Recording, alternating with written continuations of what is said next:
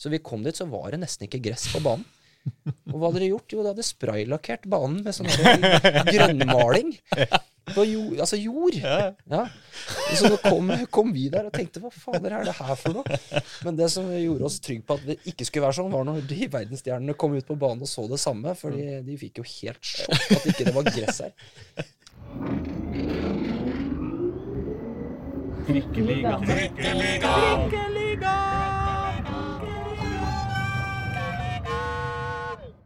Hjertelig velkommen til eh, Trikkeligaen, Dagsavisens podkast om Oslo-fotball. Håkon Thon, stadig vikarierende programleder for Aslak eh, Borgersrud. Det er sesong tre, episode 33. Og Jonas Bukker er i Bukker er i stu studio som, eh, som vanlig denne sommeren. Ja, ja, absolutt. Men ikke, Holder det gående. Ja, men ikke som vanlig denne sommeren, men veldig hyggelig likevel. Tom Stenvold, trener for eh, Lyns eh, damelag i uh, toppserien. Hei, hei. Hei, Tom. Koselig å se deg. Har du hatt en bra, bra sommer? Ja. Så langt? Det syns nå absolutt har vært lang, da. Ja. Det er jo dette mesterskapet som uh, ingen av våre jenter er med i, så da, da fikk vi litt ekstra ferie. Mm. Men uh, fin sommer. Hvordan har man utnytta og benyttet seg av, av feriedagene? Nei, nå er det jo Jeg har jo en familie oppe i Nord-Norge. Eh, kone og barn. Så jeg har vært eh, hjemme hos dem. Ja. Eh, og der fikk vi jo varmerekord, så for første gang så jeg ligget ute i sommer i Nord-Norge. Og det, det er ikke ofte man gjør. Er du ute som i villmarka, eller ute på verandaen, eller? Ja, jeg måtte trekke ut på verandaen, og kona mi lurte på hvor i all verden jeg var på morgenen. Finne meg på verandaen, så, så var det greit. Ja, for du er, er, du er egentlig nordlending selv, eller? Jeg er født og oppvokst eh, i Nord-Norge, og Ja. så har jeg foreldre fra, fra Østlandet.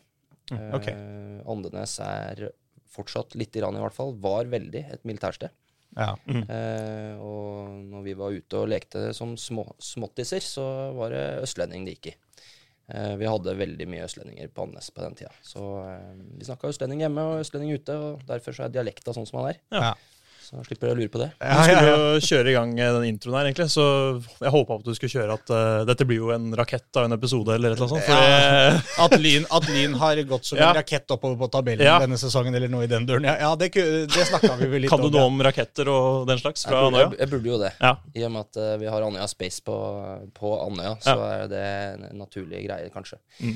Ja, nei, Det er jo et, også en stor bedrift der, så det, det er gøy at du kan det. Ja, men du har jo, selv om du kanskje da får med deg uh, østlandsdialekta, så har du jo da likevel eh, ikke fått østlandsklima da du øh, vokste opp, så det er vel kanskje derfor du, når det blir litt varmt, må, må trekke ut på verandaen. Ja, Det var jo 20 grader, da, så det var veldig varmt der oppe. Ja, 20 grader. Så da måtte du trekke ut. Hvordan er det her i Oslo for deg nå, da? Nei, dette er ekstremvær for meg, da. Ja. Eh, andre veien, kanskje. Jeg er mer vant med at det blåser og regner litt, så jeg trekker jo mer ut når det er den slags vær. Mm. Da trekker du, du trekker ut òg, ja? Ja, jeg elsker at det er litt eh, at, at du kjenner at det rører seg litt ute. Ja, Eh, ja. Her, det- her trekker vi jo inn med en gang det kommer et lite vindpust. Ja, det, ja. det er litt forskjell. Når du står på sidelinja på, som trener, og det regner og blåser, da, da er du i ditt ess. Da er jeg hjemme. Ja. Det er godt. Det er godt. Så kult. Ja. Og det har, det har jo egentlig ikke regna og blåst og storma så mye, eh, verken på Kringsjå eh, sånn eh, naturmessig eller sportslig så langt denne sesongen. For laget ditt har jo faktisk gjort det veldig bra, vil, vil i hvert fall vi påstå. Vi har jo på en måte plassert det som Nå har jo Oslo-fotballen som helhet, både damer og herrer, har jo ikke akkurat overprestert eh, så veldig mye, men akkurat Lyn og Lyn herrer òg for så vidt er jo to av lagene som faktisk har, mm. har levert veldig bra denne sesongen. Og forrige sesong så hadde jo satt jeg, i hvert fall jeg med en følelse at Lyn hadde litt utur. Eh, Det var veldig mye ettmålstap, og det var seine seine mål imot og litt sånne ting. Det var jo med i nesten hver kamp, liksom. Også... Ja, denne sesongen her, er det vært, har dere hatt litt tur, eller hvor, hvorfor har dere plutselig spredt i og nå opp og ligger på en femteplass? Jeg tror det er, eh, det er nok en litt sånn eh, blanding av det. Én ting er nå at vi, vi har utvikla oss. Vi har blitt bedre. Vi har lært eh, mye fra fjoråret, for det var mye stang ut, som du sier. da. Eh, og det, det er ganske tøft å stå i for den unge spillertroppen som vi har. Mm. Eh, men vi valgte da, og det var egentlig litt strategisk også, så stå, stå litt i det. Eh, Istedenfor å bruke penger på å handle dyrt, så sto vi i det og ønska på en måte å, å, og lære av de feilene, og det føler jeg vi har gjort i år. da. Vi mista ganske mange spillere fra i fjor, og noen, eh, noen forlot uh, av egen vilje. Noen ønska vi å ha, men, men, uh, men uh, ville bort, da. Mm. og noen ble på en måte bedt om å gi seg. Mm. og, det, og den utskiftinga var enorm, men samtidig så fikk vi inn noen typer som gjorde at vi fikk inn roller i de posisjonene vi ønska. Mm. Typer inn i de rollene. Og det, det, gjorde oss godt, rett og slett. Mm.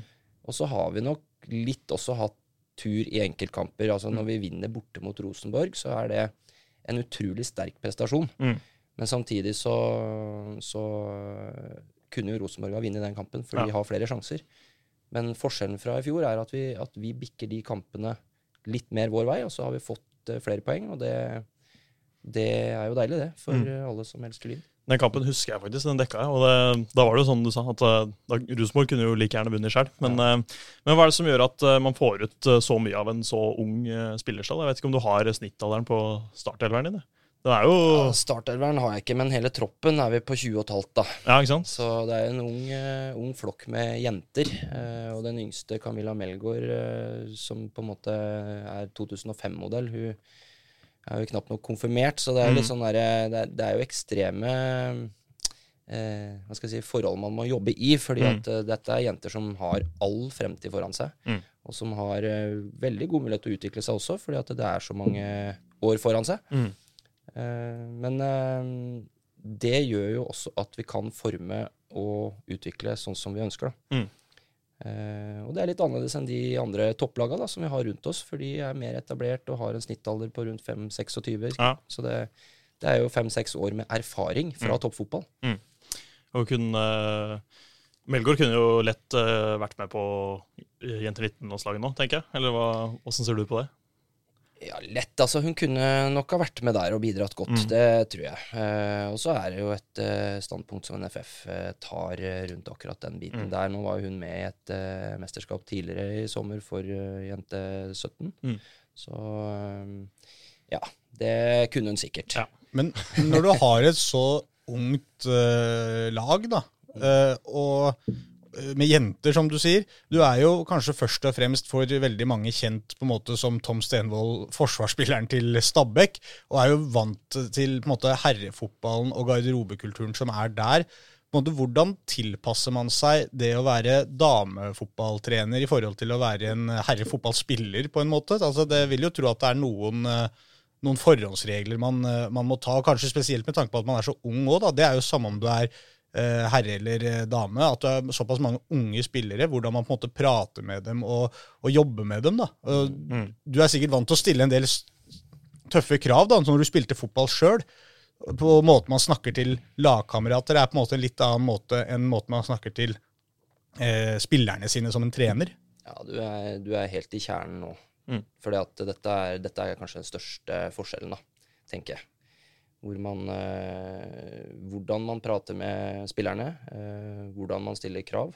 Man skal stille krav, men man må gjøre det på en måte som er eh, hva skal jeg si, en litt mer empatisk måte mm. å gjøre det på. Og så må du kunne forstå og lese, lese jentene. og det, det har vi treffet bra på. Mm. det er riktig som du sier. Jeg, dro, jeg, dro, altså, jeg slutta jo i Stabæk siste sesongen i 2010 som spiller. Og så var jeg jo rett inn i, i Stabæk fotball kvinner mm. som assistenttrener. Mm. Eh, forskjellen der eh, er eh, stor eh, på akkurat denne, denne, greia her. Og mm. den, mm. den, måtte jeg virkelig jobbe med meg sjøl for å finne ut av. Mm. Eh, og så har det gått en del år, og jeg har jo en kone og en datter hjemme, så har jeg jo lært eh, Du klarer å prate med de, så. Jeg klarer å prate med de, og, og har, har, lært meg på en måte dynamikken rundt det, da. Og eh, det er, eh, det er, viktig når man skal jobbe med toppfotball for eh, kvinner, at man er, er forstå, forståelig rundt det her med, med, hvordan man stiller krav. Det, mm. jeg tror det er helt avgjørende, faktisk. Mm. Er, er, det litt sånn det, Har det vært litt hva skal jeg si, spennende og lærerikt på, på et vis også? Ja, det har det. Eh, absolutt. Og én ting er nå hvordan man er som eh, Altså overfor menneskene, men også det med hvordan man eh, utvikler sine egne ideer rundt det. Mm. For det er klart at du skal selge inn ideene dine, du skal komme inn eh, Og du er jo en leder, og du skal ha et støtteapparat rundt deg. du skal få de til å fungere sammen, og, og, og det samspill med jentene da, som skal, som skal utøve det her på banen. Så um, det er en, det er en stor eh, hva skal jeg si, det en samhandling, Mm. eh, som Nils Arne Eggen ville sagt. Og det er, ikke, det er ikke naturlig at det er en enkel greie å overføre. Mm. Eh, så har vi lykkes eh, i år. Eh, og så er det jo litt sånn at det som fungerte også lite grann i fjor, eh, det fungerer ikke i år, fordi at de andre lagene har begynt å lese spillet hvordan vi ønsker å spille, så vi må Mm. utvikle de ideene på nytt igjen. Mm. Og sånn er det i år også. Eh, vi har gjort det bra nå. Jeg vil anta at de lagene vi møter fremover nå, de vil, de vil møte oss på en annen måte fordi de ser at eh, ting fungerer. ikke sant? Så vi, Mm. vi må hele tida tenke nytt og hele tida utvikle oss. Men når du kommer til det, så er det jo eh, Det jeg tenker på eh, Når du trener Lyn, da, så er det alle de spillerne Altså, Lyn har jo forsørga en del andre klubber i serien med gode spillere de siste sesongene. Og noe av det som gjør prestasjonen dere leverer denne sesongen på en måte såpass uh, sterk, er jo at vi før sesongen tenkte ja, hvordan skal dette gå, da? Ikke sant? Eh, Man var, man var det niendeplass dere havna på eh, forrige sesong, ikke sant? og så mister man noen nøkkelspillere. Og så kommer man tilbake og, og jobber seg opp på en femteplass med det, med det laget her. Jeg tenker, Det er jo kanskje den, en av de største utfordringene, dette her med å ha kontinuitet da, i et lag som, som Lyn. Hva, hva tenker man på en måte som, som idrettsforening rundt det? Nei, altså Vi har jo tatt et standpunkt på at vi skal være en utviklingsklubb. Eh, og det er jo noe jeg som trener også må forholde meg til. ikke sant? Altså, det, er, det er en naturlig dynamikk rundt det at de beste spillerne de må få muligheten til å ta nye steg andre steder. Eh, og så skulle man gjerne ønske at eh, spillerne kunne være et par år til hos oss for å løfte klubben enda et hakk, ikke sant? sånn at vi igjen kan produsere enda bedre spillere. Eh, Men den dynamikken der, den, den kommer til å utjevne seg, tror jeg, etter hvert. Fordi at nå, nå snur økonomien på damesida litt. Grann. Eh, Det er flere klubber som har mer penger. Eh, Vi er ikke der enda, men, men det at andre klubber har mer penger, gjør at de kan handle. Mm. Og idet de begynner å handle, altså kjøpe spillere, så begynner eh, Da snakker du fra utlandet? Ja, eller også internt i Norge. ja, for så vidt. Ja, Ja. for da tjener jo dere på det, selvfølgelig. Ikke sant? Og da tjener vi også litt penger, og det, og det gjør at vi kan utvikle mer. Eh, Og den, den forståelsen har jo ikke vært innafor kvinnefotballen tidligere. Mm. Eh, der har det vært at, eh, at jentene har gått kontrakten ut og gått gratis til andre klubber som har liksom ikke Ja. sittet igjen med noe. Mm.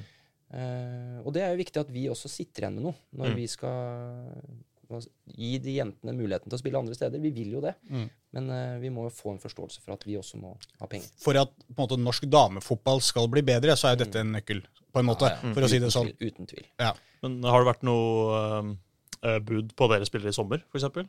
Ja, Ja. det har det. Og vi nevner i fleng. Ja, nei, men det, det, det blir litt rart å gjøre, kanskje. Men Ja. det, det, har, det er interesse rundt flere av spillerne våre, Ja. og det er helt naturlig Mm. når vi presterer sånn som vi gjør, og når vi har de profilene som vi har. Mm. Eh, og så skal det passe inn, Mm. både budet og, og hvilken spiller som da eventuelt får det budet. ikke sant? Så Mm. for oss så er det en, eh, en vurdering rundt hver enkelt eh, bud, da. Ja. Og så er vel det litt sånn Vi snakka om dette her apropos med han Elias Aarflot som var Ja. rykta vekk fra Grorud Tono til, eh, til Tromsø, blant annet. Det er jo, En ting er jo om spilleren vil, og hva man sitter igjen med, og disse tingene, men også timing, på en måte. da. Altså, Nå spiller man på et lynlag som gjør det sportslig bra. Det er sikkert Mm. veldig utviklende for, for mange av dem også. Det er jo noe med å ha to tanker i hodet samtidig for noen av disse unge jentene også. At hvis det kommer et litt forlokkende tilbud, så kan det være lurt å kanskje holde igjen. da. Ikke, altså, som, hvis noen i klubben Lyn sier at man burde holde igjen, så høres jo det ut som de bare sant, meler sin egen kake, egentlig. Men, men hvis man ser det fra utsida også, så er det jo noe med å være et sted man trives og utvikler seg. Så vil jo eventuelt de pengene eh, komme rullende inn senere i karrieren, uansett, hvis man fortsetter å ha en god utvikling. Ja, absolutt. Det, er jo, det er jo liksom to forhold eh, som spillerne på en måte eh, kanskje i hovedsak tenker på. og Det, er jo, det ene er jo økonomi. Eh, vi er ikke best stilt i Lyn akkurat der nå. Mm. Eh, og så er det sportslige utfordringer. Og det er riktig som du sier, nå, nå, nå er jo den sportslige utfordringen ganske god i Mm. Lyn. Eh, vi konkurrerer eh, godt hver eneste uke, og, og, og det er bra. Og så er det jo da å få den økonomibiten til å bli en, eh, en greie som jentene føler seg komfortable med. Mm. Vi er på vei, men vi er liksom ikke på topp fire der som de andre topp fire-lagene er, da, på en måte. Men dere er jaggu ikke langt unna på tabellen, i hvert fall. Eh, nå er det jo fire kamper igjen. Tror du at dere klarer dette toppsluttspillet, eller hva vi skal kalle det? Hva, hva, hva, hva kaller man det? Hvorfor skulle- Mesterskapssluttspillet, var det ikke det Ja, du det kalte det? er, det er topp, toppsluttspillet. Ja, men, men jeg, ja. jeg Ja, hvorfor skulle man ikke tro det? Mm. Eh, og årsaken til at jeg liksom eh, hele tida har skyvet det litt, litt til sides Ja. i prat og sånn, er fordi at eh, når vi skal ha inngang til kamp, altså snakke om hvordan er det vi skal prestere, Mm. så vil det hjelpe veldig lite å fortelle jentene at vi skal bli topp fire. Ja, ja. uh, ting er at det er unge jenter, de blir fort stressa av det. Mm. Uh, og fokuset bør heller ikke være der for å prestere. Mm. Uh, det hjelper oss veldig lite. Men ja, vi erkjenner at vi er i nærheten av det. Mm. Og vi erkjenner at vi er gode nok til å kunne bli topp fire. Mm. Eh, og det er ingen grunn til at vi skal tenke noe annet. Mm. Men så er det realistisk å tro ut ifra budsjett at, eh, at eh, vi ikke blir det. Eh, for det burde ikke være sånn. Nei, Eh, og det, det har jeg vært ganske tydelig på, at eh, det er nok noen klubber i Norge som, som helt klart bør se seg i speilet i forhold til hva de bruker pengene på. Mm. Eh, når de ser at et lag som Lyn, som da har fem millioner i budsjett, at det, det, det skal liksom ikke være mulig å konkurrere mot Rosenborg, som har femgangen, liksom. Mm. Dere, dere, dere har jo, når jeg sitter og ser på tabellen, dere har 22 poeng. En kamp, ett poeng mindre enn Stabæk, og en gang mindre spilt også.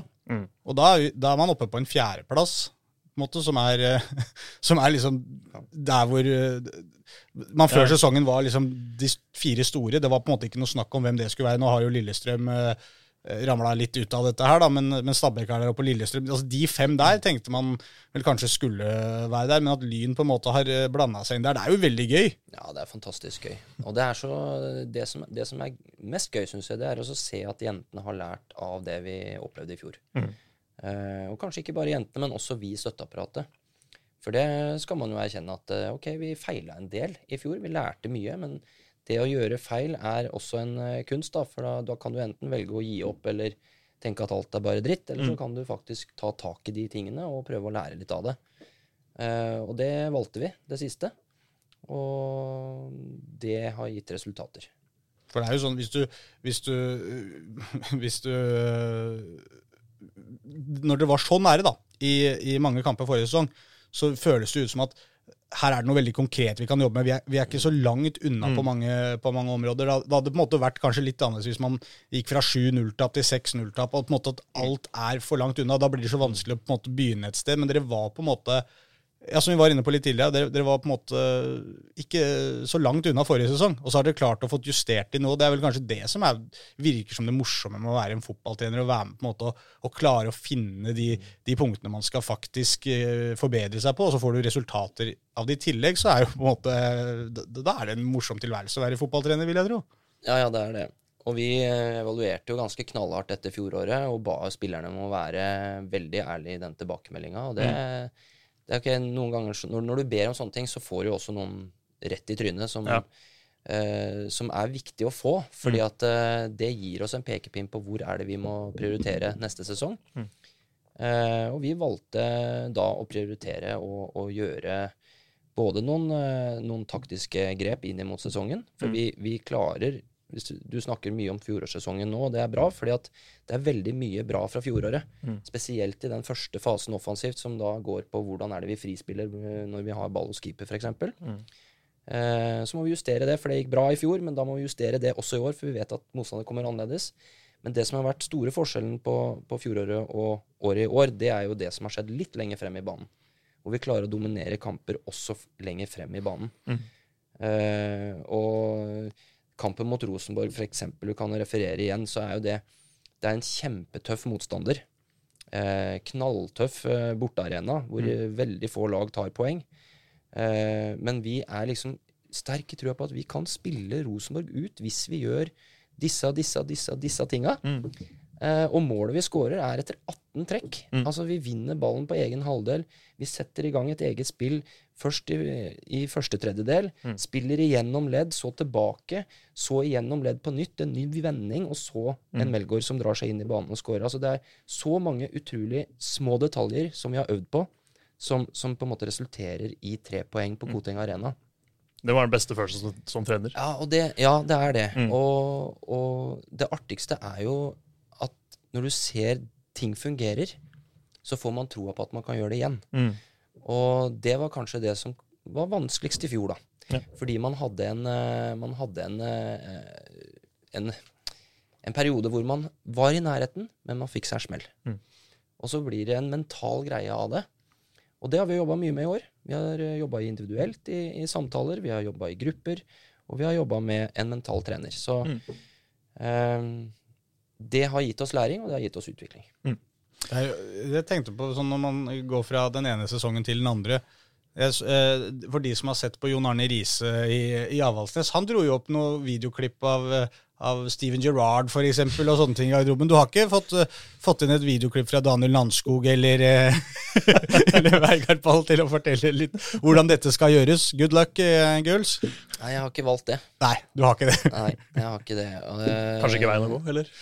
Nei da, altså det jeg, jeg vil ikke snakke Jon Arne ned. Eh, jeg ser at eh, de har utvikling i Avaldsnes, og de metodene han bruker, får han stå for, tenker jeg. Jeg, eh, jeg har andre metoder. Bra svar, det. Men så er det jo, når dere begynner opp igjennom etter ferien, så er det jo serieleder Brann. Mm. Er det kanskje beste eh, beste måten å starte på igjen? Altså få, det, få den tøffeste motstanden, eller hvordan ser du på det? Ja, kanskje. Ja. Eh, nå, nå har det jo vært et mesterskap i sommer. Mm. Eh, mange av de eh, spillerne som var med A-landslaget og fikk seg en real smell der, de, eh, de var jo i Brann. Mm. Eller er, spiller i Brann til daglig. Mm. Eh, Så de kommer jo tilbake sikkert sultne og klare for, å, for å få en fin opplevelse i høst. Nå har de mista hovedtreneren sin, men har fått på plass en ny eh, trener som også var sportslig leder. Mm. Og eh, det er ganske solid kultur Ja. i, i Brann, så det blir en tøff affære. Men du har jo tre eh, revansjelystne spillere du òg, i 1-19 Ja, det, som tapte det finalen der. Så det det, jeg. Det er riktig, det. Og, Det er vel positivt, det også. Ja, da, absolutt. Og, og vi har all grunn til å revansjere kampene som Ja. vi har spilt mot Brann tidligere. Mm. Uh, og er ikke engstelig på noen som helst måte, ser bare muligheter. Og skulle vi ikke lykkes, så, så kommer det tre kamper til. Ja. Så um, ja. Mange muligheter. Så bare muligheter. Men siden vi, inne, vi var litt inne på det, åssen så du på eh, Norge i EM eh, som trener? Altså f.eks. mot England, når det går så ille som det gjør. Altså, burde man ikke gjøre noe tidligere, sånn som veldig mange har vært inne på som, eh, som trener, når, når det går så dårlig i én omgang mot England? Jo, det, i etterkant så burde man åpenbart ha Ja. gjort det. Eller er det vanskelig å Eh. gå vekk fra sin egen plan? på en måte? Men altså, kjenner, jeg kjenner jo ikke inngangen til, til eh, Sjøgren her. Eh, og det blir jo liksom gjennom media og, og de intervjuene man hører, og litt sånn, så gjør Mm. man seg noen refleksjoner. Eh, vi, jeg kan sammenligne det inn mot vår egen eh, tid, eller min egen tid som trener i Lyn. Da, for Ja. vi hadde jo en storskrell borte mot eh, Brann i fjor. Mm. Vi lå under 4-0 til pause. Mm. Og det, det, var, eh, det var fryktelig. Eh, og man ser at vi mislykkes med stort sett alt, og så, og så blir det Vi føler at vi må gjøre noen grep, og så finner vi ikke helt veien ut av det. Og jeg vil jo tro at Sjøgren i den kampen mot England eh, tenker de tankene. Mm. Hvordan skal vi finne veien ut av det her? Eh, men det er klart, eh, det er blitt sagt mye i etterkant av den kampen, og det var, det var så fælt at eh, eh, personlig så måtte jeg gå ut og snakke med robotklipperen eh, min ute, for jeg, jeg visste ikke helt hva jeg skulle gjøre av meg når det skjedde. Hva sa han tilbake? Eller, Nei, det, det var lite svar å få, da. Han fortsatte jo arbeidet, for så vidt. Men Der ligger vel kanskje nøkkelen. ja, Faktisk. fortsett arbeidet. Nei, men det, det, der var, det der var en skrell. Og det var jo flere meldinger fra jentene underveis i kampen som Ja. lurte på hvordan er vi, er vi virkelig så dårlige i Norge, liksom. Og da må jeg jo si at det tror jeg ikke vi er. Men det, ja, syns du det var riktig at den uh, måtte gå? Eller Uh? Jeg tror det kan være bra. Ja. Uh, og årsaken til at jeg tror det, er at jeg tror vi trenger en, eh, en eh, tydeligere leder der Ja. eh, nå. Mm. Eh, I hvert fall i den situasjonen som vi har havna i. Mm. For når du først har kommet til den situasjonen der, så er det vanskelig å komme ut av det med, med samme spillemateriell, f.eks. Mm. Så um, ja. Hvem syns du hadde passa som, eh, som sjef for landslaget? Uff, den er vrien. Ja. Bortsett fra ja. deg selv, selvfølgelig, som Ja. er på toppen av lista. Men Ja. Ja, det var det. Nei, men eh, det er jo mange gode kandidater. Men Hva hadde du sagt hvis de hadde spurt deg? da hadde jeg sagt at mener dere virkelig det? Ja, Er jeg den typen dere trenger? Sjekka kalenderen og sett at ikke det var 1. April, liksom. ringt familien og spurt om det var greit. Ja. Nei, altså jeg hadde nok eh, stilt noen spørsmål tilbake. Ja. Fordi at eh, jeg er opptatt av at uh, matchen skal funke. Mm. Eh, og det tror jeg de også er opptatt av, så, altså NFF. Og de har laga seg en, eh, en spesifikasjon på typen de ønsker, og da får de jobbe ut ifra det og finne den beste kandidaten. Jeg, eh, jeg syns det er vanskelig å gi deg noen navn. ass. Jeg vet du gjerne vil høre et eller annet, men mm. Ja, jeg tenker bare Hvis du hadde snudd på det, du var NFF, på en måte, da, hva Ja. ville du sett etter? Om ikke et konkret navn, så hvilke kvalifikasjoner ville du, vil du se at den nye treneren har? Nei, men en tydelig leder er jo nøkkelen, tror jeg. Mm. Og da mener du, mener du innad i garderoben, på en måte, eller at du er enda mer tydelig ute i, eh, i ut mot spillerne. Ja. Eh, fordi at eh, du, du må få spillerne til å tro på det du ønsker. Og så må du ha noen eh, tanker rundt eh, taktikkeriet som, som treffer med spillemateriellet. Og det er vel kanskje noe man har kjent på under mesterskapet, at det traff ikke helt. Nei. Man har altså verdens beste spillere i hermetegn eh, i front, som man nesten ikke så i hele mesterskapet. Og det Ja. tenker jeg da finner man ikke helt veien. Det er litt sånn vanskelig akkurat det der når du som trener når du er eh, i en vanskelig periode, eller som du sier, pause mot England, sånne ting. Vi har jo snakka med en del trenere opp igjennom som på en måte har vært inne i tøffe perioder også sånn over lengre tid. da. Og, og mange som lurer på hvorfor gjør man ikke noen formasjonsendringer, hvorfor prøver man ikke noen nye spillere, eh, hvorfor henter man ikke inn noe nytt? Og veldig ofte så er jo en trener har jo en filosofi, har en tanke om hva dette laget er best på. Vi må spille på denne måten med denne formasjonen. Det mener jeg som trener er det beste.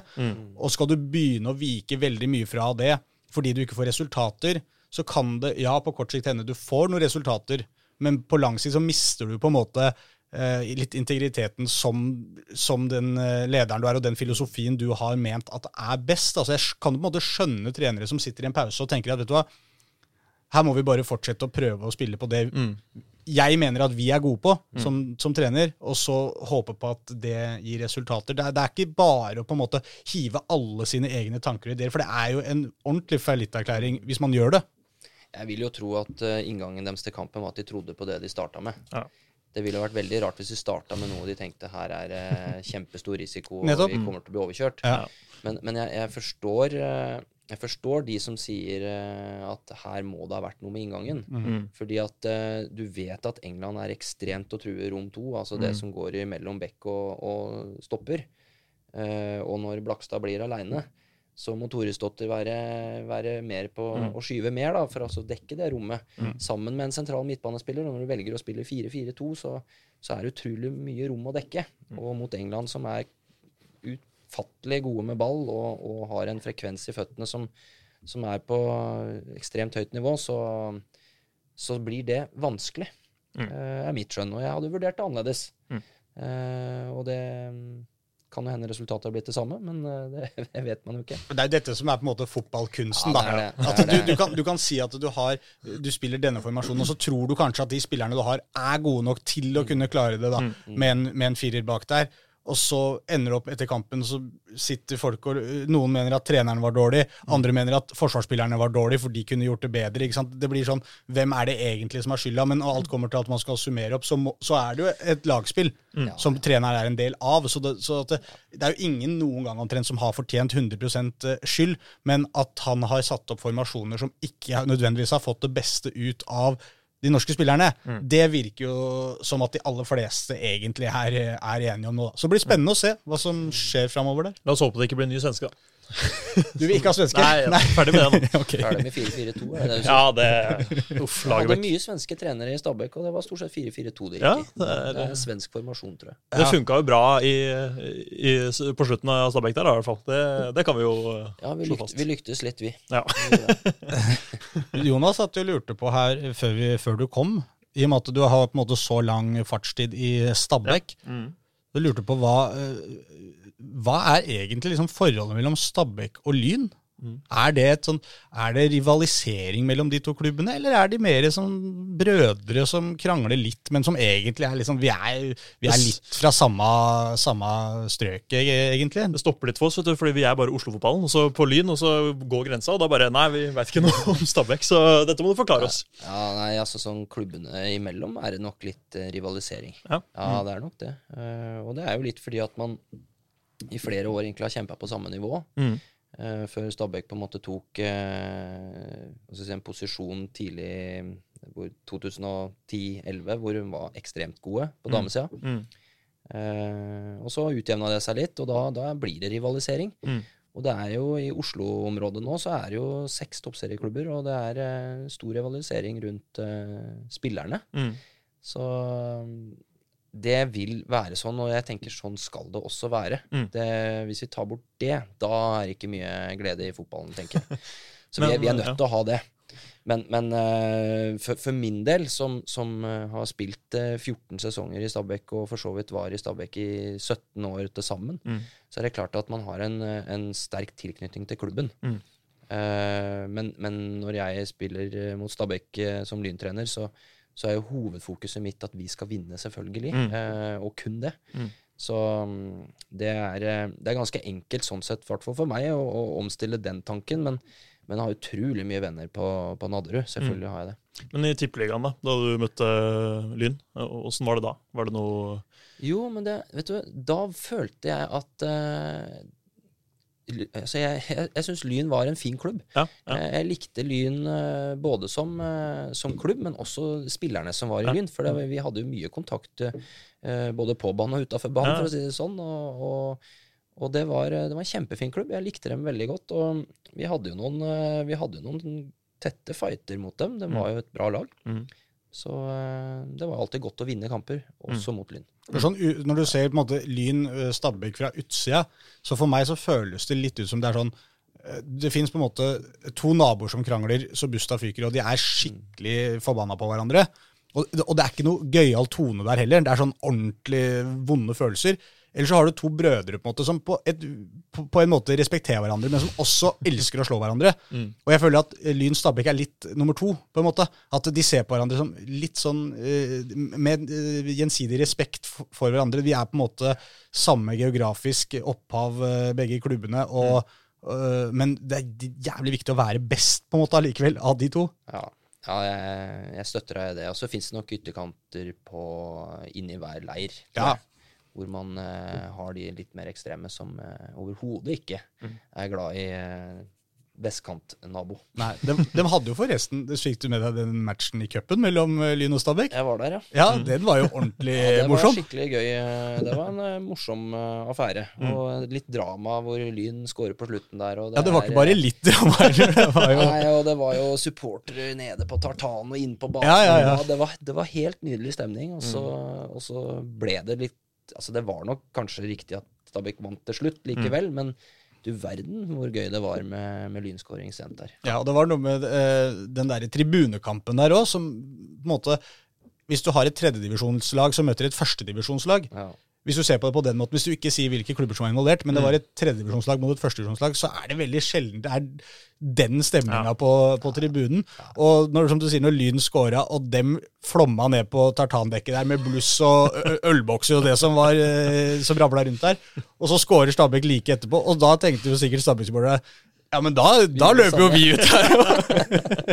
Nei, det var, det, var, det var skikkelig sånn der sør- søramerikansk stemning eh, en periode der. Ja, og det hjelper med at det er på Bislett òg, for den er litt sånn, der, den er litt sånn stilig Du kan nesten si søramerikansk stadion òg, med er løpebaner og uten tak og Ja, det er det. Var litt samme i fjor, eh, da Lyn møtte Vålerenga i første runde i cupen. Eh, da var det også bra, veldig bra Ja, ja. folk på tribunen. Eh, litt for uh, bra Ja, kok kanskje- før kamp. eh, men, Ja, på eh, tribunen var det bra kok. Utafor tribunen var det litt dårlig litt for kok. mye. eh, men eh, men eh, vi trenger Lyn opp igjen. Altså. Men jeg tenkte på det med, med Lyn-supporterne, da. Ah, Hvordan er det på en måte, Hadde det vært mulig å få kobla på flere av det, eller hvordan jobber man med det, på en måte? Som har så, de har jo en så vanvittig bra supportergjeng. Hadde jo vært morsomt om ikke alle, men liksom en liten del av den der kjernen der Det er jo en del som er der allerede. Føler jeg. Ja, Bastionen har jo, eh, har jo vært på noen av kampene våre, Mm. og, og jeg er enig, det skulle veldig gjerne ha vært eh, flere fra dem på Mm. kampene våre også. Og eh, det, det henger nok litt igjen fra at man var en herreklubb en gang i tida, Ja. ikke sant. Og man hadde herrene i toppen, og, og det var mye kok rundt akkurat Mm. det.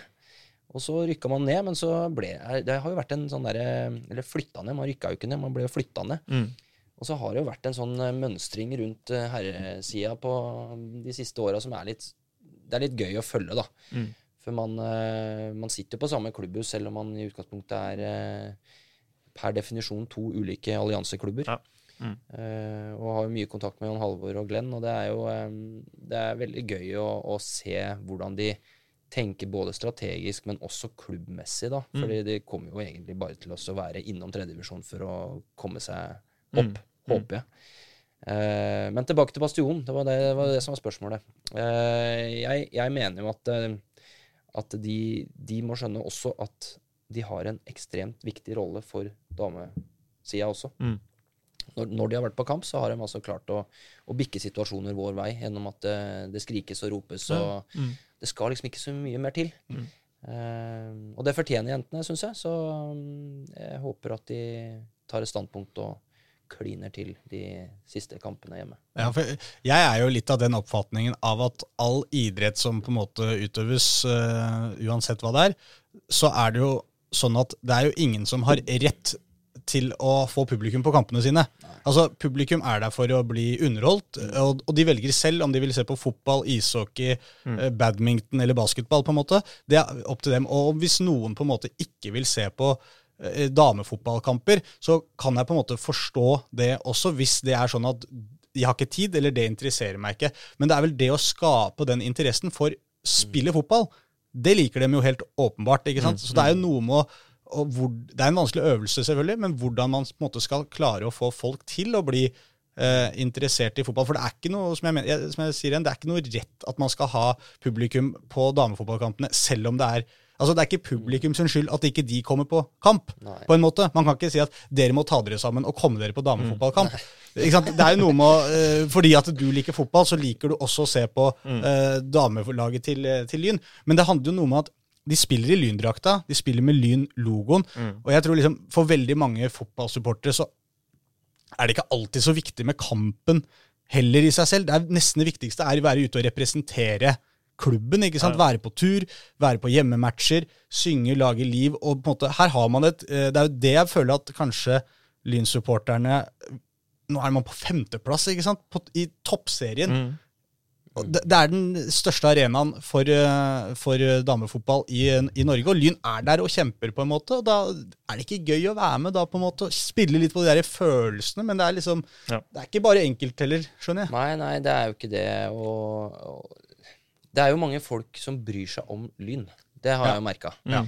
Når jeg kom hit i, før fjorårssesongen, så, så visste jeg at lynkulturen Lyn-kulturen er ganske sterk. Og du kommer inn på klubbhuset, så henger kong Olav som æresmedlem på veggen. ikke sant? Altså Pokaler overalt. Og det er, det er eh, skikkelig, skikkelig sånn eh, sjel i, i vegga der. Uh, men det at folk bryr seg om klubben, det, det ser jeg egentlig på som bare positivt. Mm. Uh, men så er jo det en kjensgjerning at fotballen utvikler seg. Mm. Altså, Man kan ikke spille med elleve mann i angrep, f.eks., sånn som man gjorde på, på, på 40-, 50- og 60-tallet. Mm. Du er nødt kanskje til å ha noen forsvarsspillere også. ikke sant? Vi må tenke to veier her, og vi, Mm. må, vi, må, vi må blande opp fotballen litt. Og, og det, fotballen utvikler seg hele tida, og det, det er jo alles eh, ære og plikt og, og for så vidt eh, lov til, å, til å mene hva de vil. Mm. Men uh, vi må jo tro, tro på det vi mener er best for våre jenter. da. Men er det sånn når du sitter oppe på klubbhuset, du sier du snakker litt med Jan, Jan Halvor og, og sånn, hvor mye prat uh, har dere sammen, på en måte? Hva, hva, hva går det i da? Nei, nå er vi jo, vi er jo ganske eh, åpne om hvordan vi ønsker å spille med hverandre. Uh, altså, hvordan er det vi setter opp våre mønster, hvordan er det Mm. vi ønsker å angripe, forsvare oss. Og så lærer man jo litt ut ifra det. Og så er det jo ikke alltid man har tid til å sette seg ned mer enn en kaffe, men den kaffen er viktig. Mm.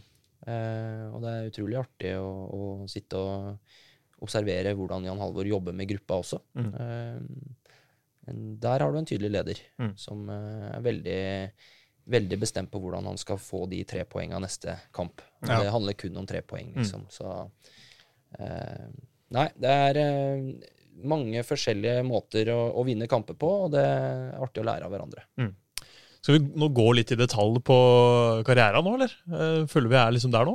Ja, Hvis du vil det, Jonas. Ja, nei, men tenkte på du. Du er jo Stabæk-mann, det må vi jo kalle det. Eller? Ja, jeg, jeg kan leve med det. Med to, 200 kamper for klubben. Ja, men det, med, det, ja, det er vel Altså For klubben så er det vel kanskje over 500, men Ja, sant, for, sånn, ja. for førstelaget er det vel eh, kanskje 200. Litt mer. Jo da, men altså jeg, jeg flytta jo nedover når jeg var eh, 16, fra, Ja. fra Andenes, som jeg var inne på. Mm. Til Bærum, liksom? Eller? Til Bærum. Ja. Begynte da på Norges toppidrettsgymnas eh, der. Mm. Eh, hadde fin tid der, og så fikk jeg muligheten til å hospitere først med eh, Vålerenga, faktisk. Men Ja. så var det bare ei uke, og så ble det Stabæk etterpå, og da fikk jeg faktisk en kontrakt. Så Ja. da var man der, da, fra Hvem- 96 Hvem var det som satt der eh, som leder, og hvem var det du prata med og sånn da? i Stabæk. Ja. Eh, Tom Skjelvan. Ja. Mm. Det er eh, en som var der hele perioden jeg var der, faktisk. Ja. Som sportsdirektør, da. Mm. Eh, så han ble som en bestefar for meg, egentlig. Ja. Og jeg ble veldig glad i, i klubben. Var der da fra 96 til 2010 Mm. som spiller. Mm. Eh, Det er lenge. Det er lenge. ja, det er veldig lenge. Men, men det, som, det er veldig mange som har spurt meg hvorfor bytta du aldri klubb, og hva, Ja. fikk du ikke noen andre tilbud og sånn. Jo, jeg fikk andre tilbud. Men jeg hadde ikke noe ønske om å, å kaste Stabæk på dør, på en måte, for, Mm. selv om jeg ikke var fast. Mm. Fordi at eh, jeg, jeg kjente jeg hadde sportslige utfordringer. Jeg måtte alltid gå ut og føle at jeg måtte prestere, i hvert fall. Mm. Eh, og så var det sånn at alle andre skifta jo klubb. Mm. Så for meg så var det jo miljøskifte hele tida, og så ønska Stabæk Ja. å ha meg som en kontinuitetsbærer i klubben med, med de verdiene og det, kanskje den typen jeg var også. Og det, det verdsatte jeg veldig høyt. Kanskje mye mer enn å gå til en annen klubb og tjene noe mer penger, f.eks. Er det liksom definisjonen på en eh, squad player vi snakker her? Ja, det tror jeg nok du treffer ganske bra på. Ja. Men foreldra dine, var, var de fra Bærum? Var det du sa? Nei, de Nei, er de fra var- Østlandet. Ja, ikke sant? Ja, litt lenger opp i Østerdalen. Ja. mm, Så det, så det var ikke noe gitt at det skulle bli Stabæk i det hele tatt, egentlig? Det var litt tilfeldig? Nei, overhodet ikke. Men eh, når jeg flytta ned som 16-åring, så var jo det i søken på drømmen om å bli Mm. proff. Mm. Og jeg visste jo det at når man flytter ned, så er det jo større sjanse for det er flere klubber her. Mm. Eh, ja, det er mange om beinet, men, uh, men det er enda flere om beinet nå.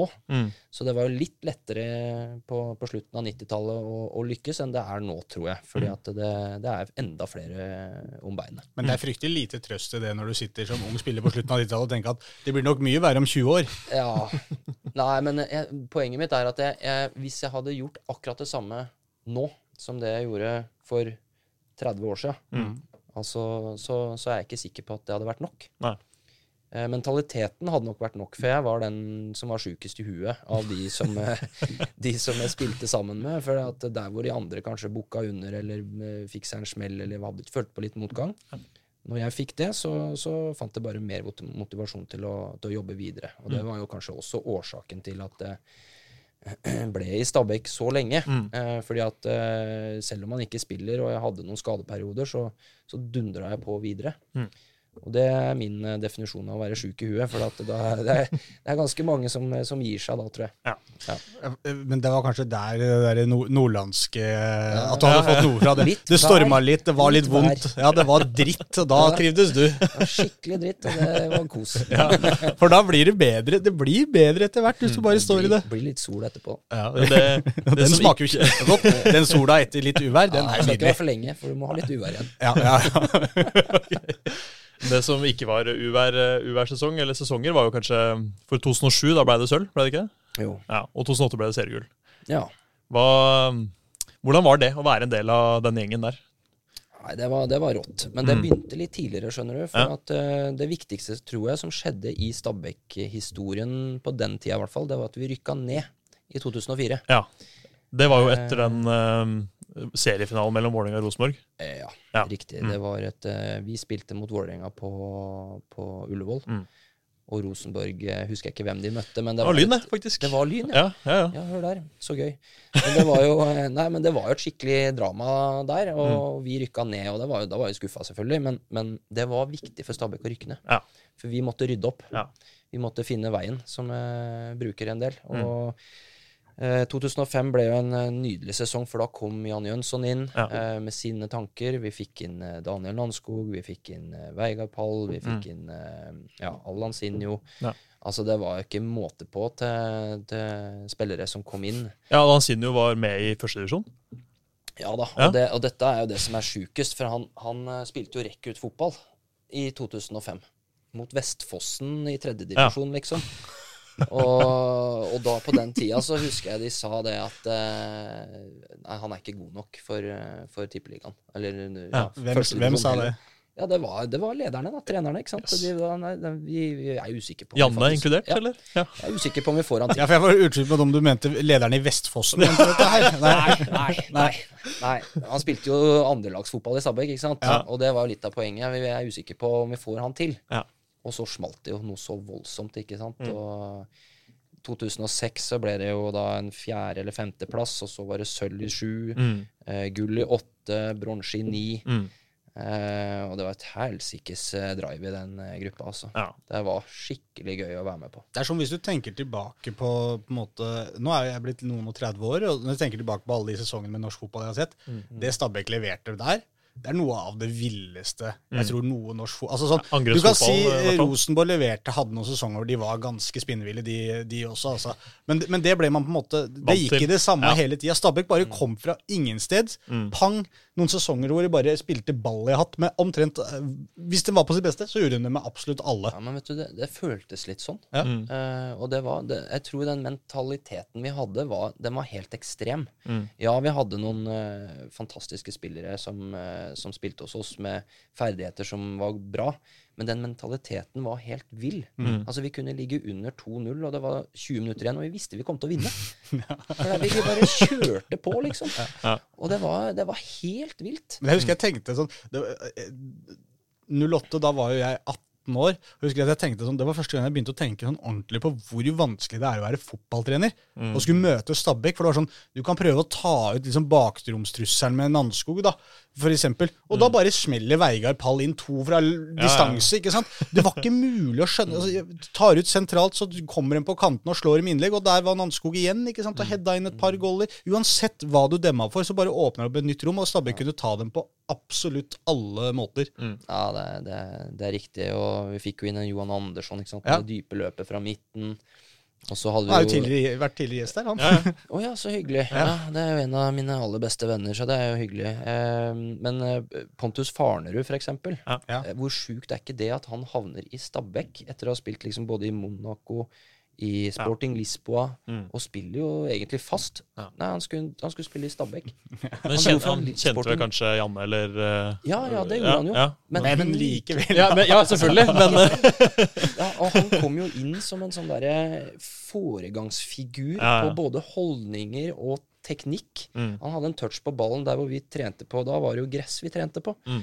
Uh, og der hvor ballen kunne komme litt bumpy, da, Mm. litt humpete bane, så, så treffer han reint hver gang. mm. Og det var bare satt en standard og et nivå som var helt hinsides. Så ja.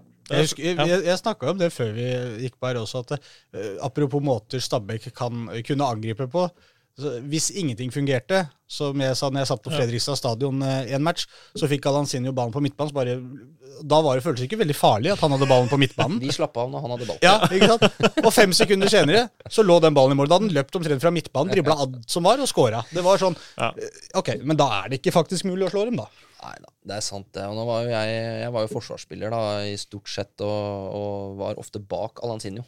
Ja. Så jeg hadde jo oftest to motspillere mot meg. Han Ja. var ikke så glad i Nei, det, var, det, var, det var ikke toveisspiller. Nei, Nei. men det var greit, kanskje. Nå var han så god foran. Ja, det var, men det var, veldig, det var jo veldig fint å gi han ballen, for det, han kunne jo bevare ballen, ikke sant. Ja. Og trente jo mot han ofte, ikke sant. Og da, da jeg, følte jo at jeg hadde Nå har jeg ballen. Nei, det hadde jeg ikke. Du skjønner, du skjønner hvorfor Tom følte at dette var ja, Han gikk på trening hver dag og følte at han fikk utfordringer. Ja. Det er helt riktig. Men uh, eh, hvordan var han som type, da? Uh, Allan? Ja. Ja, det var mye smil og latter og, og glede, og han, han lever jo ånde for fotballen, da. Ja. Det er jo brasilianer fullt ut, liksom. Mm.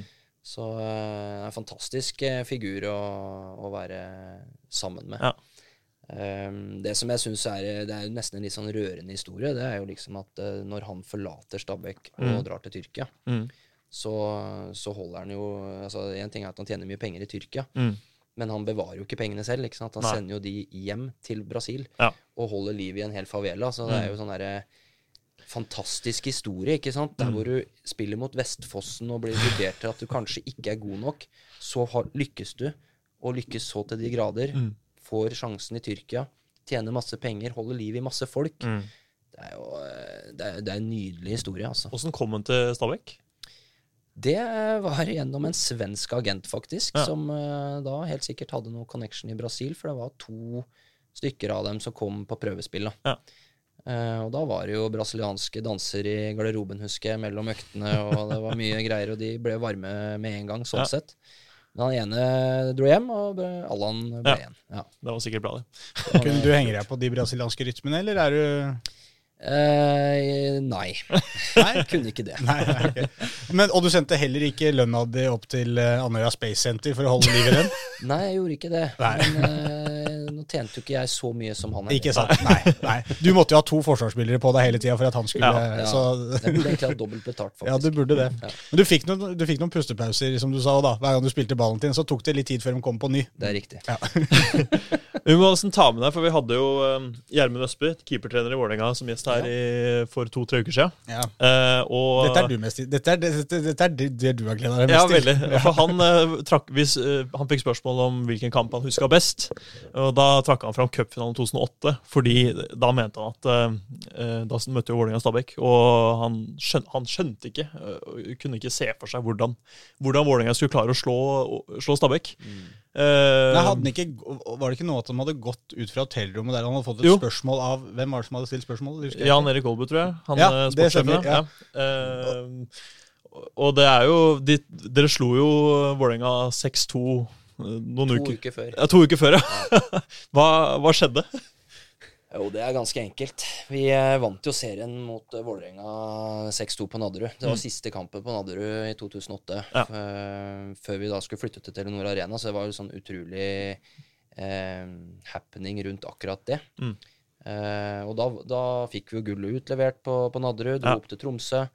Eh, skulle spille siste kampen i serien borte mot uh, Tromsø, da. Mm. Uh, og hadde en fryktelig dårlig prestasjon der oppe. Ja. Og det tror jeg litt, henger litt sammen med at det var, det var mye fest etter den 6-2-kampen. Ja. Naturligvis. Ja, det tror jeg, og det var mye glede, og det fortjent glede og, Mm. og sånn, men, men det burde ha toppa seg med et cupgull. Ja. For det, det å vinne 6-2 hjemme, og så to, eller kanskje det var tre uker at det var en frihelg der. Mm. Eh, og det var jo heller ikke bra hvis det var en frihelg, selvfølgelig. For det, det, det kunne ikke være bra. Eh, og, så, og så var det cupfinale. Ja. Så ja. Dere var ferdige, dere, da. Vi var eh, Og dette er Vi var nok fornøyd, og det er nok det som er eh, kanskje min kjepphest. Ja. Jeg er aldri fornøyd. Mm.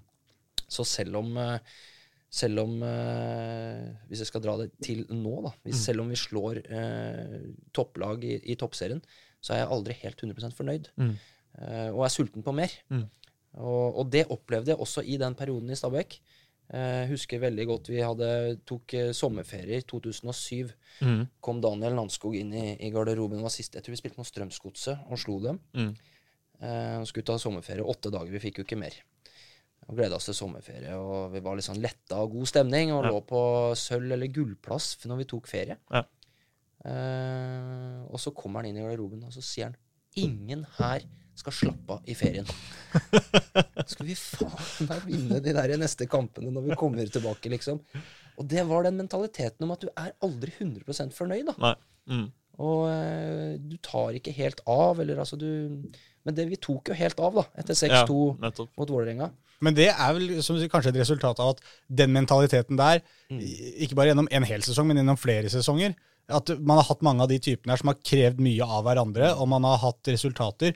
Og når man endelig på en måte står der med trofeet, Mm. så blir det kanskje en litt sånn der, ja. utladning, rett og slett. At vet du hva, nå har vi jobba og vært så harde med hverandre. I flere år. Ikke sant? I flere og, år. Og gjort det på en så fin måte. Og, ja. Mm. Ja, Det kan jo rett og slett være at uansett hvor lystne man var på å vinne cupgullet, så er det noe med dette huet som er vanskelig å forstå, da. Ja, men det er helt riktig. Og Mm. den, den, eh, den dynamikken er ikke Det er ikke gitt at du klarer å prestere på nytt hele tida. Mm. Jeg lar meg imponere over eh, de største klubbene i verden som, som hele tida klarer å gå ut og prestere. Men de har jo liksom to elvere som de kan, Mm. Ja. kan sjonglere med. Ikke sant? Altså, du tar ut De Bruyne, og så kommer du inn med en ny en. eh, Foden, eller ja. ja, Foden eller hvem som helst som liksom er, er en av de beste spillerne i Premier League. Mm. Og da kan du prestere. Mm. Men når vi da ikke kunne ta ut hvem som helst og sette inn hvem som helst, så, Mm. Så, så blir det litt annerledes. Det er jo litt sånn samme følelsen jeg fikk faktisk med Bodø-Glimt når de var eh, Ja. holdt på. Når det var, eh, og du tenkte at nå har de en del skader, nå, nå begynner det å bli slutt. Og så bare gikk de utpå og, og ikke bare Ja. vant, men vant liksom så overbevisende igjen og igjen Ja. og igjen. Og da var det ikke snakk om at de erstatta de som var ute med, med noen like gode. ikke sant? Da var det litt ukjente folk gjerne som måtte inn og gjøre en jobb i én match bare. Ola, Ola Solbakken var jo ikke en kjent fyr før han måtte inn og erstatte Ja. Jens Petter Hauge, liksom. Ja, så, Så, ja. eh, De hadde litt den samme sånn der som du ble ordentlig imponert av. At Ja. de klarer å faktisk ikke bare vinne, men gjøre det på en også ganske fin måte. da. Ja, altså det, det er så mange kule ting som skjer i Bodø-Glimt, syns jeg. Mm. Uh, og det både på ledelsesnivå, men også i spillerlogistikkmodellen deres. Mm. Er, dere er inne på det med, med Solbakken, men se nå på en Erik Botheim, da, eksempel. Mm. Eller en Hugo Vetlesen. Eh, eller Saltnes. Ja. Som eh, vurderer å legge opp, ikke sant? men så blir fader, han kommer inn i et system som fungerer. Mm. Vetlesen som eh, kom da fra Stabæk til Bodø-Glimt, som, Mm. som spilte bra i Stabæk. Mm. Eh, kanskje litt overraskende at du velger å gå til Bodø-Glimt, men ja, nei, og så lykkes han ikke helt. Men nå har han jo tatt Ja. kjempesteg. Mm. De selger eh, Junker, Mm. eh, som bøtta inn mål på topp. Ja, så kommer Erik Botheim, Mm. som har mislyktes kanskje litt i Stabæk, da. Mm. Eh, I et annet system, ikke sant. Altså, det, der har he, vært helt imponerende og så utrolig gøy å også Mm. følge. For det er jeg mener hele den der reisen der med alle de utskiftningene. Det er det jeg mener at det hele tida bare fortsetter. Og det, det forteller meg jo først og fremst kanskje at Uh, ja, det er en god trener, ja, det er uh, isolert sett god fotballspiller, men det er kanskje først og fremst enormt god spillerlogistikk. De finner typene, den måten de jobber med å finne disse spillerne som har det de er ute etter. Det er jo det som på en måte langt på vei er nøkkelen til, mm. til suksess, nesten for alle lag. Ja, det er eh, strålende godt jobba. Og det er vel Åsmund Bjørkan som har vært der i noen år, som, som sitter med ansvar for spillelogistikken. Og så vet jeg jo at Kjetil Knutsen er ganske tydelig på hva han eh, ønsker å ha inn. Mm. Uh, og det Men det er det jeg mener, en trener er mer enn bare formasjon og taktikk. Ja, ikke sant? Det det er, er noe det. med, Det med bygge grupper. Veldig mye av det. Og han har en veldig sterk eh, rolle der. Ja. Mm. Men etter eh, denne cupfinalen så, så begynner jo på en måte en litt nedtur for Stabæk, da, kan man si. Eh, um, men du gir, deg, du gir deg jo før, før det verste, på en måte? Eller åssen Ja, nå, nå, etter eh, 2008 så dro jo vi til Telenor Arena. Ja. Det- hvordan, var, hvordan var det egentlig? Nei, det var jo for, for, for spillerne og for klubben sin del så var jo det et eh, strategisk valg for å kunne tjene mer penger på arena. Ja. Eh, og det var jo helt nødvendig, og, og det var jo sånn sett en fin, fin opplevelse veldig lenge, helt Mm. til den største eieren eh, valgte å si at nå Ja. Skal dere ut. Mm. Eh, så Kjell Ja, for- Ulriksen så var du- ikke så veldig glad i, glad i oss lenger. Nei. det, Men du, så du likte å spille der, og du likte arena? Ja, ja, for all del. Altså, Det var jo strøken, matte, fin Ja. eh, tribune og sånn. Det, Det var eneste noe- forskjellen var jo at det var tak. ja, det var noe helt annerledes, på en måte. Ja, det var jo det. Og Gymsalen, som mange kalte det. ja, det ble kalt for det. Men, eh, men vi hadde jo mange fine opplevelser der, og Ja. vi får jo bronse i 2009, så det er jo, vi har jo fortsatt et veldig sterkt lag, liksom. Mm. Eh, og har- spilte jo Champions League-kvalik Mm. mot, eh, mot eh, FC København, og så tapte vi jo den, da. Og, Mm. og Solbakken var jo det var han, Solbakken var faktisk trener for FC København da. Mm. Og han var jo veldig skeptisk til kunstgress. Ja, ja, fortsatt. Vi, ja, han var det. han var det. Og vi var i parken, spilte mot dem først. Ja. Eh, og så ble det, jeg tror de vant 2-1 mot oss i Mm. parken, hvis ikke jeg husker helt feil. Mm. Og så slår de oss komfortabelt uh, i Telenor Arena, da. Ja. Så det var ikke så gærent med kunstgressform allikevel. Men det som var kulest etter det, var jo at for vi var jo i om det var andre eller tredje kvalik i Champions League, så, så møter vi jo Valencia i uh, Europaligaen. Mm. Eh, For du blir direkte kvalifisert til Europaligaen hvis du ryker av den kvaliken. da. Mm. Og der, eh, det var jo, en, det var jo en, kanskje den aller kuleste opplevelsen, syns Ja. jeg, var å møte, møte de store stjernene med David Silva, Mm. David Villa. Det var bra lag, det. Eh, Ja, ja, Mata. Altså, Ja. Det var helt latterlig mm. lag, liksom. Og Tom Stenvold. Ja. Jeg følte meg litt malplassert. Men eh, det, var, det, var, det var en fin opplevelse likevel. Mm. Og vi tenkte jo de kommer sikkert til Telenor Arena og undervurderer oss. Ja. Men det gjorde de ikke. Nei. Fy flate for en profesjonalitet, altså. Ja. Der hvor vi sto og happa med en gris i pausen, liksom, så, så hadde de en ordentlig fotballtrening i pausen. Mm. Eh, David Villa, som, eh, som er verdensstjerne, som spiss, han jagde hver gang han mista ballen. Så Mm. var han, altså det var ja, det, det var forbilder, rett og slett. Altså. Og så dro vi ned til Valencia og skulle møte de borte på Mestalla. Da, da tenkte vi kult, vi skal ned på en stor fotballarena, verdenskjent arena og greier. Mm. Kommer ned dit, og da var det første kampen på den arenaen det året. Mm. Så eh, siste kampen før de hadde avslutta fjoråret, så fjerna de gresset. Mm. Så vi kom dit, så var det nesten ikke gress på banen. Og hva hadde de gjort? Jo, de hadde spraylakkert banen med sånn der På jord, altså jord. Ja. Så da kom, kom vi der og tenkte hva fader er det her for noe? Men det som gjorde oss trygge på at det ikke skulle være sånn, var når de verdensstjernene kom ut på banen og så det samme. For de, de fikk jo helt sjokk at ikke det var gress her. Største forskjellen var hvordan de håndterte det med kula. Ja. Ja, De klarte å spille fotball også på det. Ja, for du spilte på det eh, underlaget? Ja da. Du måtte jo spille der. Jo, selvfølgelig, men uh, Ja. Jeg ble knust både, både hjemme og borte. Og det, men det var, det var sånn sett en fin referanse. Jævla kul opplevelse. Og det er jo det, Jeg sitter og tenker på det litt her når du snakker om på en måte det der med å være påskrudd, være, øh, ta, ta det seriøst, da, som Valencia gjør her, som dere kanskje ikke fikk til i cupfinalen Ja. mot Vålerenga. Mm. Man har jo den fordelen som tidligere fotballspiller at selv på en måte disse nederlagene, litt nedturene, da, som cupen f.eks. Alt, alt sånn motgang lærer man jo mye av, og, og som trener nå så vil jeg jo tro at det er noe man vil liksom absolutt, om ikke aktivt bruker hver eneste dag, så i hvert fall eh, har et veldig forhold til og kan vite og kjenne litt på det, da, når, når det faktisk kommer noen kamper nå for Lyn som, som skal bli helt avgjørende. Mm. Ja, men vi, vi har jo ingen grunn til å være eh, kjepphøye eller mør, mør, høy og mørk, som jeg pleier å si. Nei, men dere har god grunn til å på en måte være påskrudd. Ja, og, ja, men vi har jo det, for vi har jo fortsatt mulighet. ikke sant? Altså, og det er hvorfor, hvorfor skal ikke vi gi den muligheten en god sjanse? Mm. Eh, og jeg kjenner jo disse jentene nå veldig godt, og de, de er jo så sultne. Altså, de får jo aldri nok. Mm. Eh, og jeg tenker vi har treffet bra på det. Mm. Og så er jo kunsten å kunne holde dem litt igjen, sånn at vi har energi til å slippe dem skikkelig løs i, i kampene som virkelig betyr noe. Mm. Men etter 2010, da, da blir du trener med en gang? Eller eh, var- det det Ja. tidlig bestemt, eller? Ja, altså jeg tok jo trenerkurs uh, før jeg ga meg. Ja. Uh, fordi at uh, jeg visste jo at det er ikke så lenge igjen av karrieren jeg begynte å slite med knærne. Mm. Eh, og fikk jo ganske tidlig beskjed, egentlig så tidlig som i 2005, at jeg burde gi meg snart. Ok, såpass. Men eh, jeg holdt nå ut fem år til, og det får, må man jo sånn sett betale litt Ja, for nå, da, ja. rent sånn kroppslig sett. Men Men, Men- tenk deg hvis du hadde gitt deg i 2005. Nei. da. ja det, ikke sant? Det er det, da. nei. Nei, nei. Det er jo verdt nesten Ja, nei, jeg angrer jo ikke på at jeg Nei, fortsatte. nei. Det, det, det er bra. Jeg, det var fint at jeg gjorde det. Men eh, jeg, jeg ble trener med en gang, ja, og da var det rett inn i første Stabæk fotballkvinner. Ja. Og da var de gode?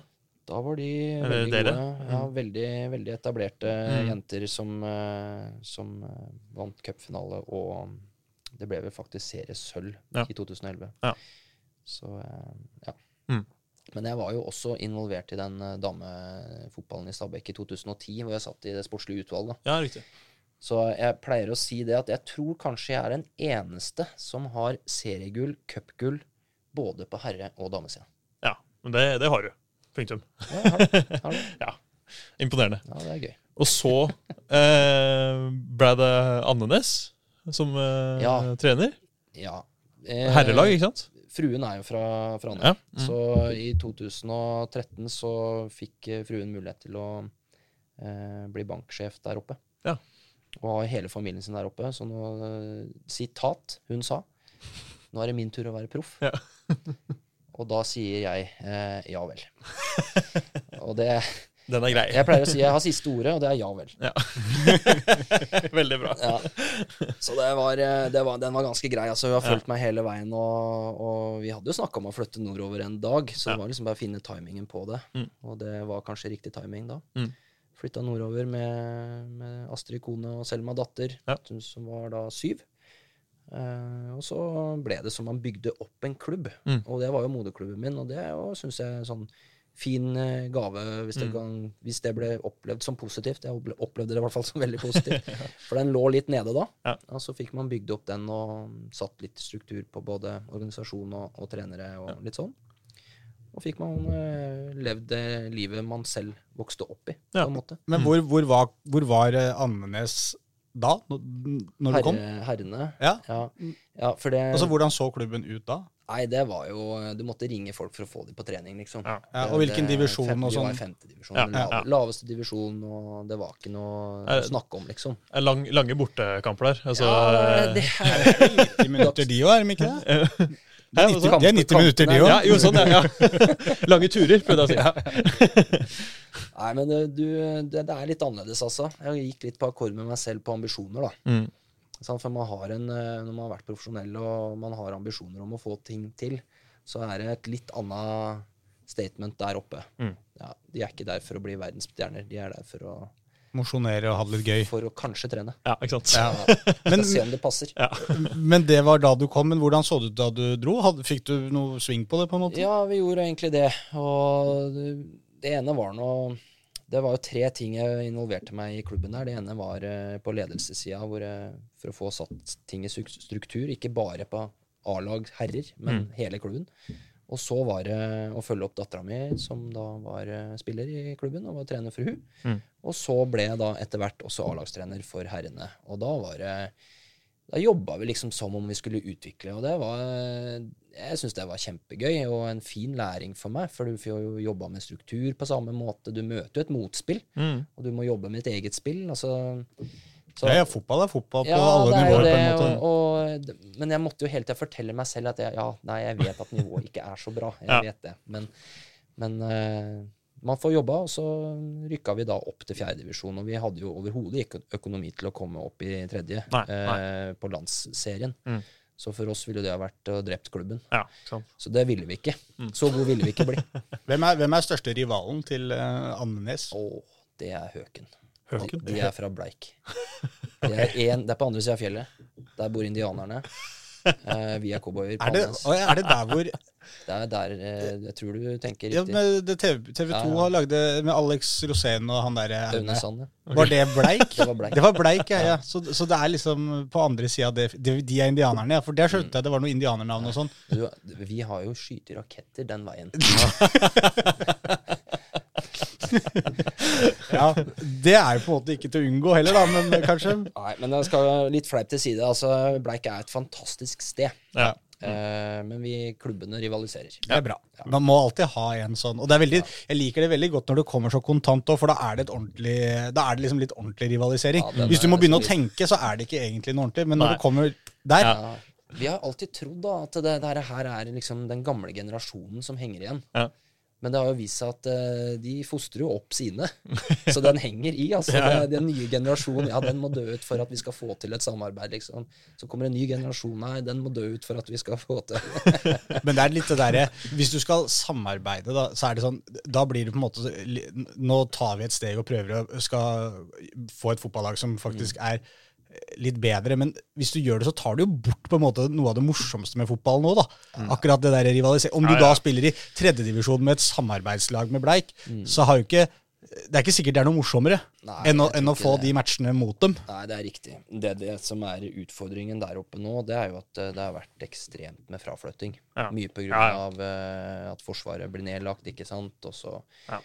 Det gjør at man har mindre barn, eh, klubbene blir mindre, det er mindre økonomi. Altså det er, og det koster masse å drive klubber der oppe, med de avstandene som vi var innom mellom eh, bygdene. Mm. Men uh, din familie bor fortsatt der oppe? Eller Ja, kone Kone og barn bor der, bor der oppe. Jeg jeg liker hvordan denne Oslo-fotballpodkasten plutselig begynte å dreie seg om Bleik og Andenes. Ja, hvor langt er det fra Andenes til Bleik? Det er en solid ti kilometer. Ja.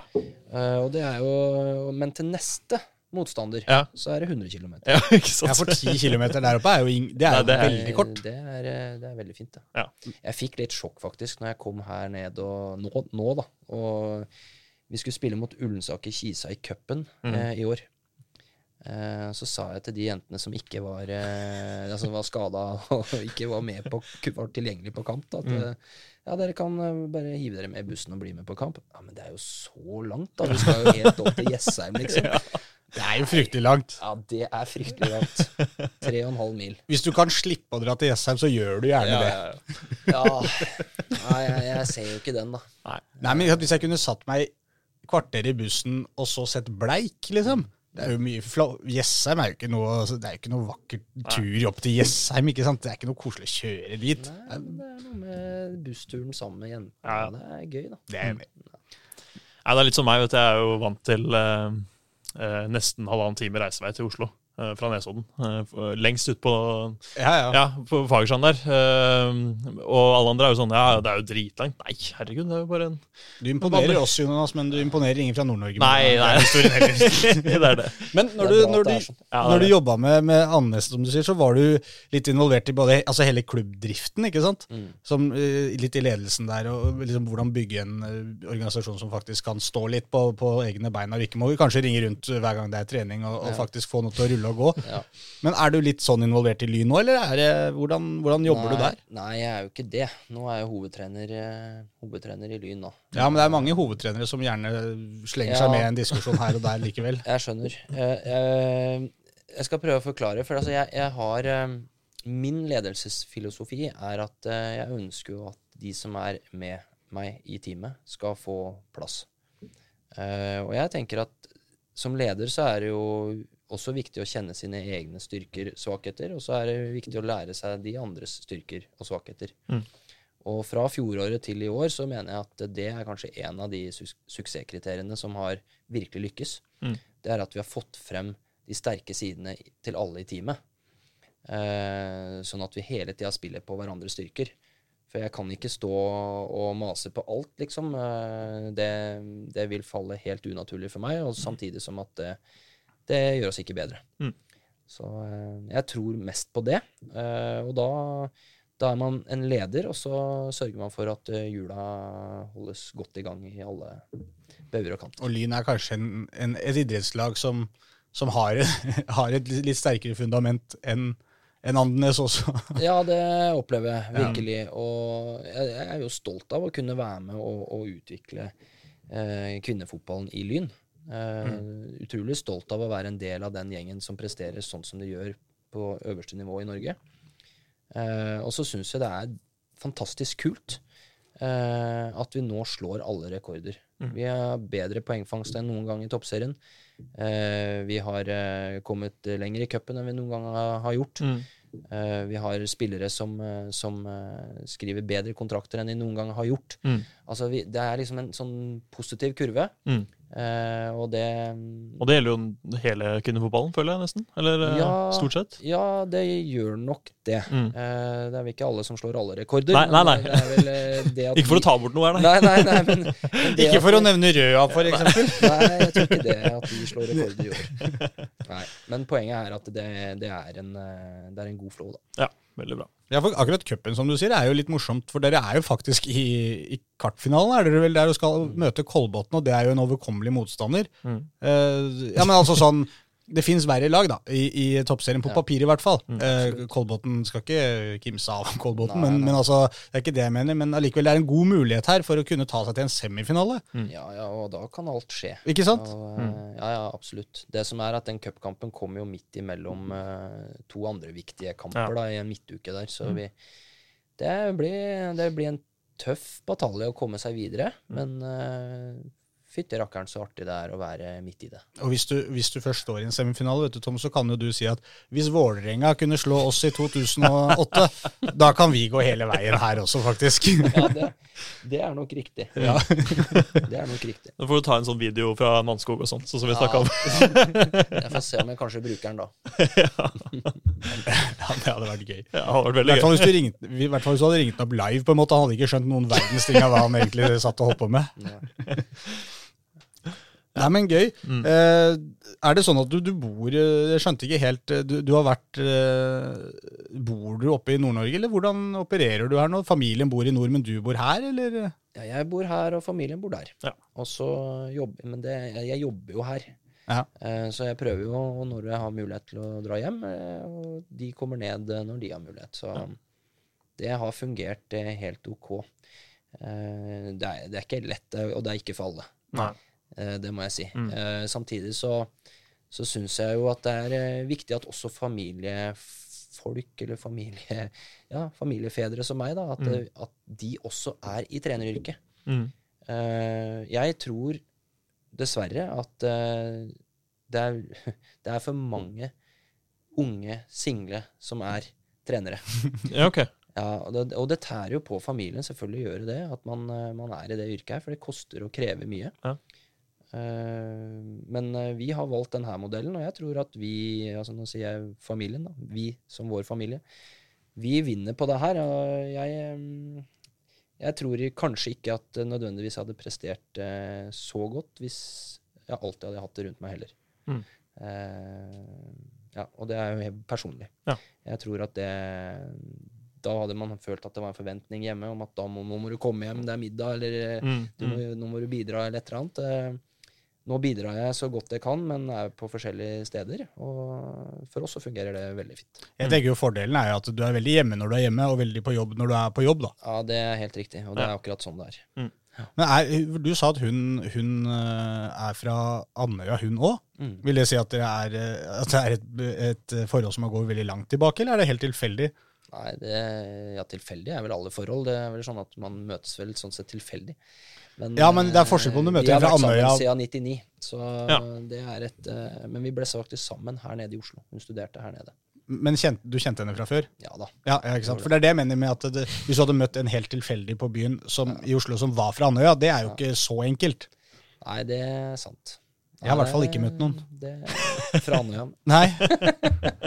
Nei, ja, ja, eller, ja. Ja, du, må bli møt, du må møte noen fra Andøya, skjønner du. ja, det er, jeg får ta meg en tur opp kanskje neste sommer, så skal jeg ta meg en tur til Andøya. Det må du gjøre. Det er fint, det. Det ser veldig fint ut. Og det har vært uh, veldig fint å ha deg på besøk også, Tom. Dette har vært bra. en eh, skikkelig hyggelig prat. Et spørsmål på tampen, forresten. Uh, som jeg tenkte på, den derre delinga av serien.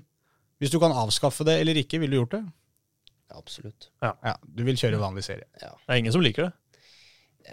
Nei. Eh, det er veldig få som liker det. Og, og jeg, jeg har ikke stått fremst i den eh, manesjen og for å slakte det heller. Eh, fordi at eh, dette ble bestemt at det skulle prøves. Ja. Og så kan man ha mye følelser rundt det. Mm. Eh, men hvis man skal være litt sånn eh, saklig i det, så tror jeg at eh, dette her er en veldig god tanke bak for de fire som blir topp sluttspillet. Mm. Eh, for de får konkurrert eh, på et høyere nivå mot bedre lag, eh, og står bedre rusta for å møte lag da som i Europa, ikke sant. Mm. Men det er en ek ekstremt dårlig idé eh, det, i bunnsluttspillet, som, eh, som blir at alle poeng nullstilles. Eh, sku, skulle nå vi da f.eks. havne i bunnsluttspillet, Mm. så vil jo skalpen mot Rosenborg og de her, Ja, de vil jo bare nullstilles. Mm.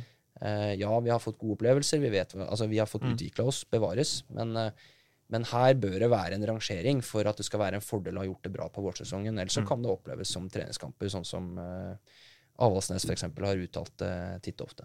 Det, det, det føles jo litt ut som Lyn på mange måter er den eneste lille redningen for forbundet her, som har klart å gjøre dette her faktisk til Ja, en litt ja. spennende, Ja, ja, spennende greie. For det var jo liksom mer eller mindre skrevet i stein, i hvert fall før sesongen, at Lillestrøm, Vålerenga, Rosenborg og Brann skulle ta Ja. de fire første. Mm. Det var jo det alle egentlig trodde. Egentlig trodde. Og nå er ikke Lillestrøm, Lillestrøm der. Stabæk ligger på den fjerdeplassen, og dere ligger på femteplassen og har muligheten til å ta fjerdeplassen. Så, så dere holder jo faktisk litt liv, i- liv i dette Ja, da, og, og, opplegget. og Stabæk, selvfølgelig. Men, Ja. men eh, det, det er jo Man skal jo ikke glemme at nå er det et overgangsvindu i sommer.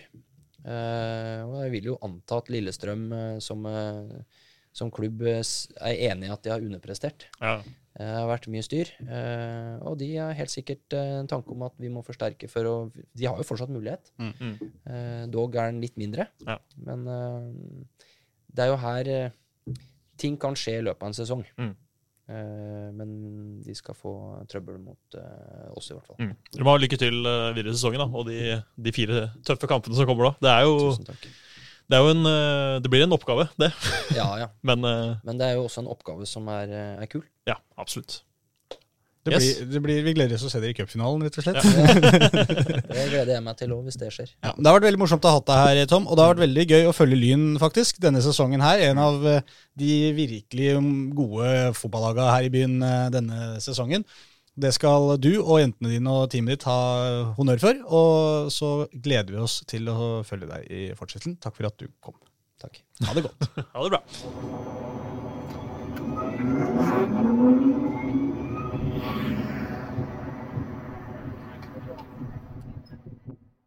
Du har hørt en podkast fra Dagsavisen.